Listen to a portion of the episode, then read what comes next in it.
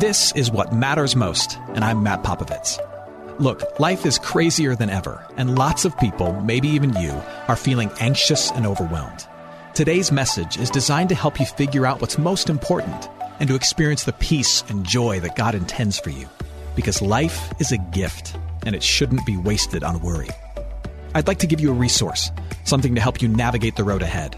Just go to mattpopovits.com, click on the icon, and we'll send it to you. That's Matt, P-O-P-O-V-I-T-S dot com.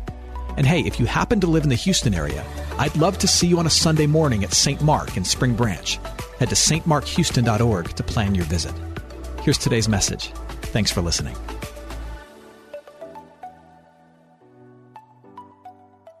Turn with me to the New Testament book of Philippians.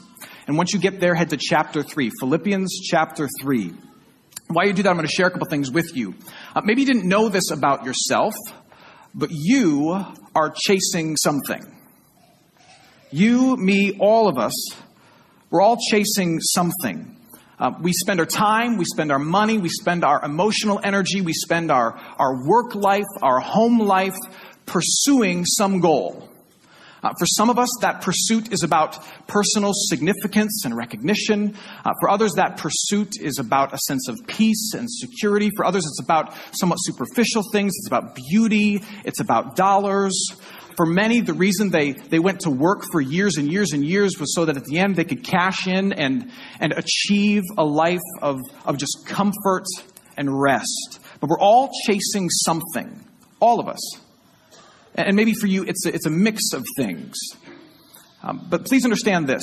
Whatever it is that you're chasing or I'm chasing, it might be a noble thing, it might be a, a normal thing, it might be a mundane thing, or an evil thing. We are all chasing something. Here's the question what would your family and friends, if, if your picture came on the screen, what would your family and friends, based on your pursuits and your passions, what would your family and friends say that you're chasing? What would their best guess be? Because we're all pursuing something. We are. Now, now take that idea and, and let's reconcile it with what Paul says in Philippians chapter 3. He says this He's talking about his life prior to having um, had an encounter with Jesus that changed everything.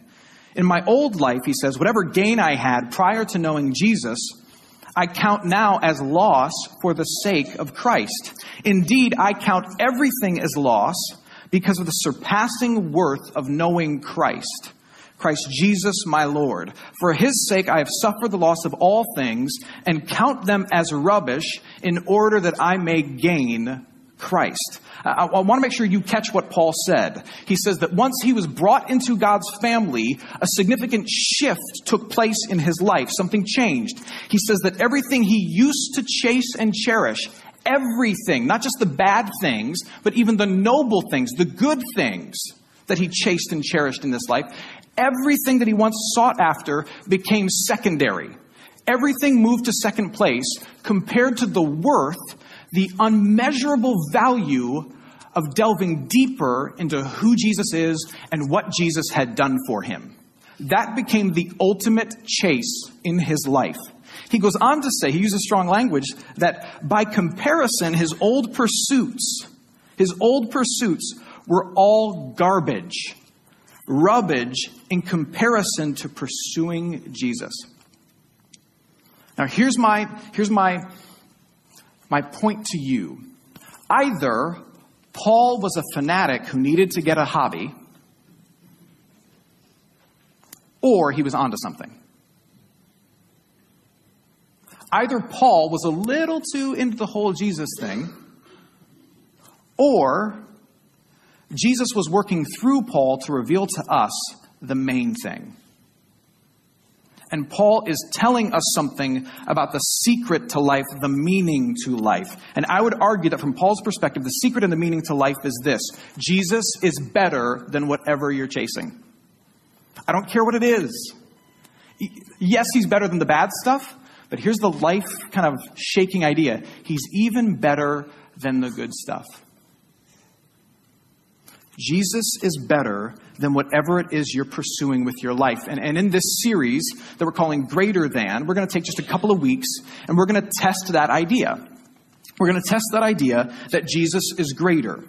We're going to test the idea that, that knowing Jesus, following Jesus, digging deeper into who he is, is greater than some of the things we pursue. He's greater than relationships. He's greater than wealth. He's greater than um, significance or accomplishment. In fact, that's what we're going to talk about today the idea that Jesus is greater than pursuing my own greatness. And it's not that things like relationships and jobs and wealth and significance go away, but if Paul is correct, they don't become the end. They become means through which we arrive at Christ to know him more. So let's, let's dig in. Is Jesus greater than seeking your own significance? And by your own significance, I mean piling up your accomplishments, building up your self worth, padding your resume of life so that in the end you can look and say, See, I didn't fail. I'm a wonderful human being. Oprah should do a special on me.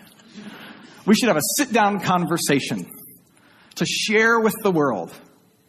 Is pursuing Jesus greater than pursuing your own greatness? Let's find out. Let's look at the words of Jesus himself. Matthew chapter 6 verse 24. Jesus has a very strong opinion on this. He says, in the end, it comes down to who you're going to serve ultimately. He says, no one can serve two masters. For either he will hate the one and love the other, or he will be devoted to the one and despise the other. And now, as an example, he says, you cannot serve God and money. This is an either or life, Jesus says. Only one thing in your life can be ultimate. I mean, you can try to make work number one and family number one, but in the end, one of those two will win out. It, that, that's the way God has created the world to work. You can try to make work number one and family number one, but you're either going to end up a good dad or sleeping on the couch. Because you can't have two masters. But Jesus goes even further. He says, for your life in general, you're either living in such a way that you are making much of God, or you're making much of yourself. Say, through the pursuit of wealth. You're either pursuing the greatness of God or the greatness of self. You can put it like this you can only magnify one thing with your life, so what's it going to be? When it comes down to it, you can only magnify one thing with your life. And for Jesus, it's either God or you. He's a real black and white, cut and dry guy on this kind of stuff. You can only magnify one thing with your life, so what's it going to be? It's either going to be God and His greatness or you and yours. So which will it be? I am small, God is great. I am small, God is great. And if I seek to live my life putting the focus on my greatness, building up my accomplishments, convincing the world that I'm a wonderful person, that I'm using my life like a microscope, trying desperately to make this small thing seem much bigger than it actually is. Where on the other hand, I can spend my time like a telescope, making God, who actually is great, yet often obscured in the lives of people, allowing God to come into the focus he rightly deserves. I'm either going to spend my life inflating something small or bringing into focus that which is truly amazing. But I can't do both. So, which will it be? If you haven't noticed, we live in a world um, where most have opted for the microscope. Where, where many of us, myself included, we spend most of our time trying to magnify and make ourselves bigger. And it's always been a thing with human beings. Um, yet many argue it's worse than ever before. Just think about all of the platforms we now have for self magnification in this world. If you choose to live a life of pursuing your own greatness, then the measure of success in life comes down to this how much attention can I draw to myself? And you'd be surprised, some of the quietest and meekest of people who don't seem to want the spotlight on them, they are some of the most fame oriented people in their life. I'm a people pleaser in rehab, okay? They are quietly seeking someone, anyone, to constantly pat them on the back and say, You're good, you're okay, you're awesome, I need you, I want you. And it is arrogance wrapped in humility. Because in the end, what I'm living for is attaboys. It's, my, it's the whole goal of my existence. And while a certain level of recognition for human fulfillment is necessary for human fulfillment, here's what, here's what I would posit to you. The lust for it, the hunger for it, and living with life's ultimate aim as it will ultimately burn you and it's destructive in the end. Let me prove it to you with a couple Bible verses. Proverbs 25 27 says this It is not good to eat much honey, nor is it glorious to seek one's own glory. Now, on the surface, those two things don't seem connected. Let me read it again. It's not good to eat much honey, nor is it glorious to seek one's own glory. The writer of Proverbs here is comparing pursuing your own glory to eating too much of a good thing. Recognition is good. Affirmation is good. A little bit of honey makes life sweet, but if you have a bowl full of it every meal, every day, you get diabetes. Understand? And the same is true for those of us who set up recognition as the aim of our life. Here's what you will discover in the end. You will discover in the end that the pursuit of recognition and your own greatness, the pursuit of fame is empty, and the joy you get, you do get joy, but the joy is fleeting. The pursuit itself is hollow, and the joy is fleeting. For example, there's a, there's a very interesting book out called The Narcissism Epidemic that examines our nation's obsession with self magnification. And this book argues that our, our obsession with self magnification has created a culture of empty success, of phony applause. We're in this world, think about it, we have phony rich people who have interest only mortgages and piles of debt. We encourage phony beauty through surgeries and procedures. We have phony athletes who use performance enhancing drugs. We have phony celebrities through reality television. We have a phony national economy with $11 trillion of debt. And we have a lot of phony friends through social media. And all the affirmation that comes from those things feels good for a moment, but in the end, we all know that if my life is built up on such things, it's empty. Likewise, if affirmation is your life's goal, then the joy is fleeting. And those of us who are people pleasers, we know this that you are only as valuable as your last recognition.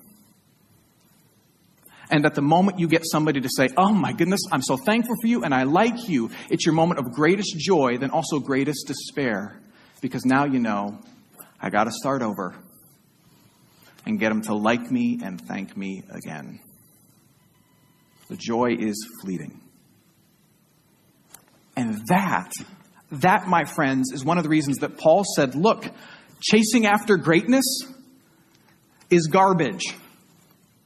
Magnifying myself, ultimately, in this grand scheme of things, compared to this other option, is meaningless. There's got to be a better way. And Paul says, look, I found it. Rather, it found me. The opposite of magnifying myself is making much of and using my life to magnify Christ, to make him be seen for the bigness and the greatness that he actually is, rather than puffing up something that's not all that great and can't sustain the ruse. I use my life to reveal his greatness that actually exists. And if you make that shift, the goal of your life changes. The goal of your life changes from the pursuit of fame, getting people to just put their eyes on you, to the pursuit of something different and more fulfilling, the pursuit of faithfulness. If my life is about making Jesus be seen for who he truly is, through me, then my life is no longer about getting as many people to look at me as possible. My life is about being faithful. You, you live with a different operating question rather than going around saying, all right, how do I do my job? How do I raise my kids? How do I, how do I make this witty post on Facebook so that I will look good? Rather than having that as your operating question, you change. And now the question becomes this How might I parent? How might I do my job? How might I share this word? How might I do this so that Jesus shines through? How do I do this thing so that Jesus shines through? That's about faithfulness. I hope you're enjoying today's message. For more of what matters most, you can head to mattpopovits.com. There you'll find other messages. You can support this ministry as well as access your free gift. Oh, and if you're looking for a local church and you live in Houston, come and see what's happening at St. Mark Houston. To plan your visit, head to stmarkhouston.org. Thanks for listening, and back to today's message. So, so let's, let's press this into the corners. Let's try and apply this practically. How do I update my status on all my various social networks? Because I'm a media mogul, right? How do I update my status in such a way that Jesus, His will, His ways, His values, His impact on me, that shines through in my usage of this thing? Now, it doesn't mean that you become one of those people, all they post is Bible verse memes. That's not, that's not what I'm saying. Like, all I do is post John 3.16. That's not what I'm saying.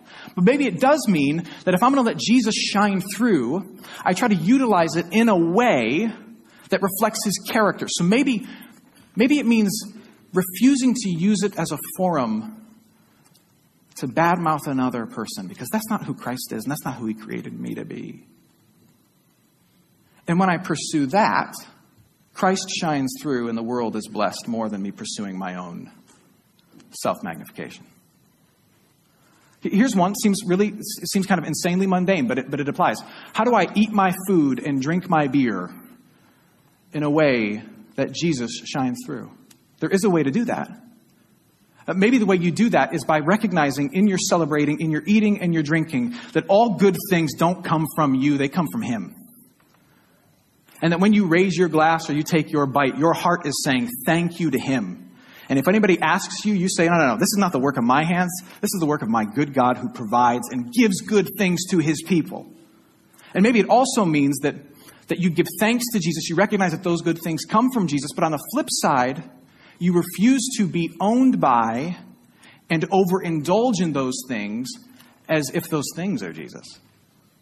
You utilize those things as gifts from God and you refuse to overindulge in them as if that thing is God. Maybe that's how you let Jesus shine through. And if you do that with your friends who love to party, you're not going to get much fame. But you will be faithful and Jesus will shine through. And if you think that pressing this issue of how does Jesus shine through even in how I do my eating and drinking is a little mundane, I got a verse for you. 1 Corinthians chapter 10 verse 31 says this, so whether you eat or drink or whatever you do, do all to the glory of God. You see, that's why we were created. Not to artificially beef up our smallness, but once we've come into contact with Jesus, to spend our lives faithfully enjoying and displaying and making known His greatness. How do I do this thing in a way that it reflects and makes Jesus shine through? That's the question of faithfulness. And you might say, Matt, how fulfilling is that? How fun is that? That doesn't sound like joy. That doesn't sound better. That sounds like a homework. Making Jesus shine through in things. That, that sounds like reading. That sounds like getting up from the chair and turning the channel myself.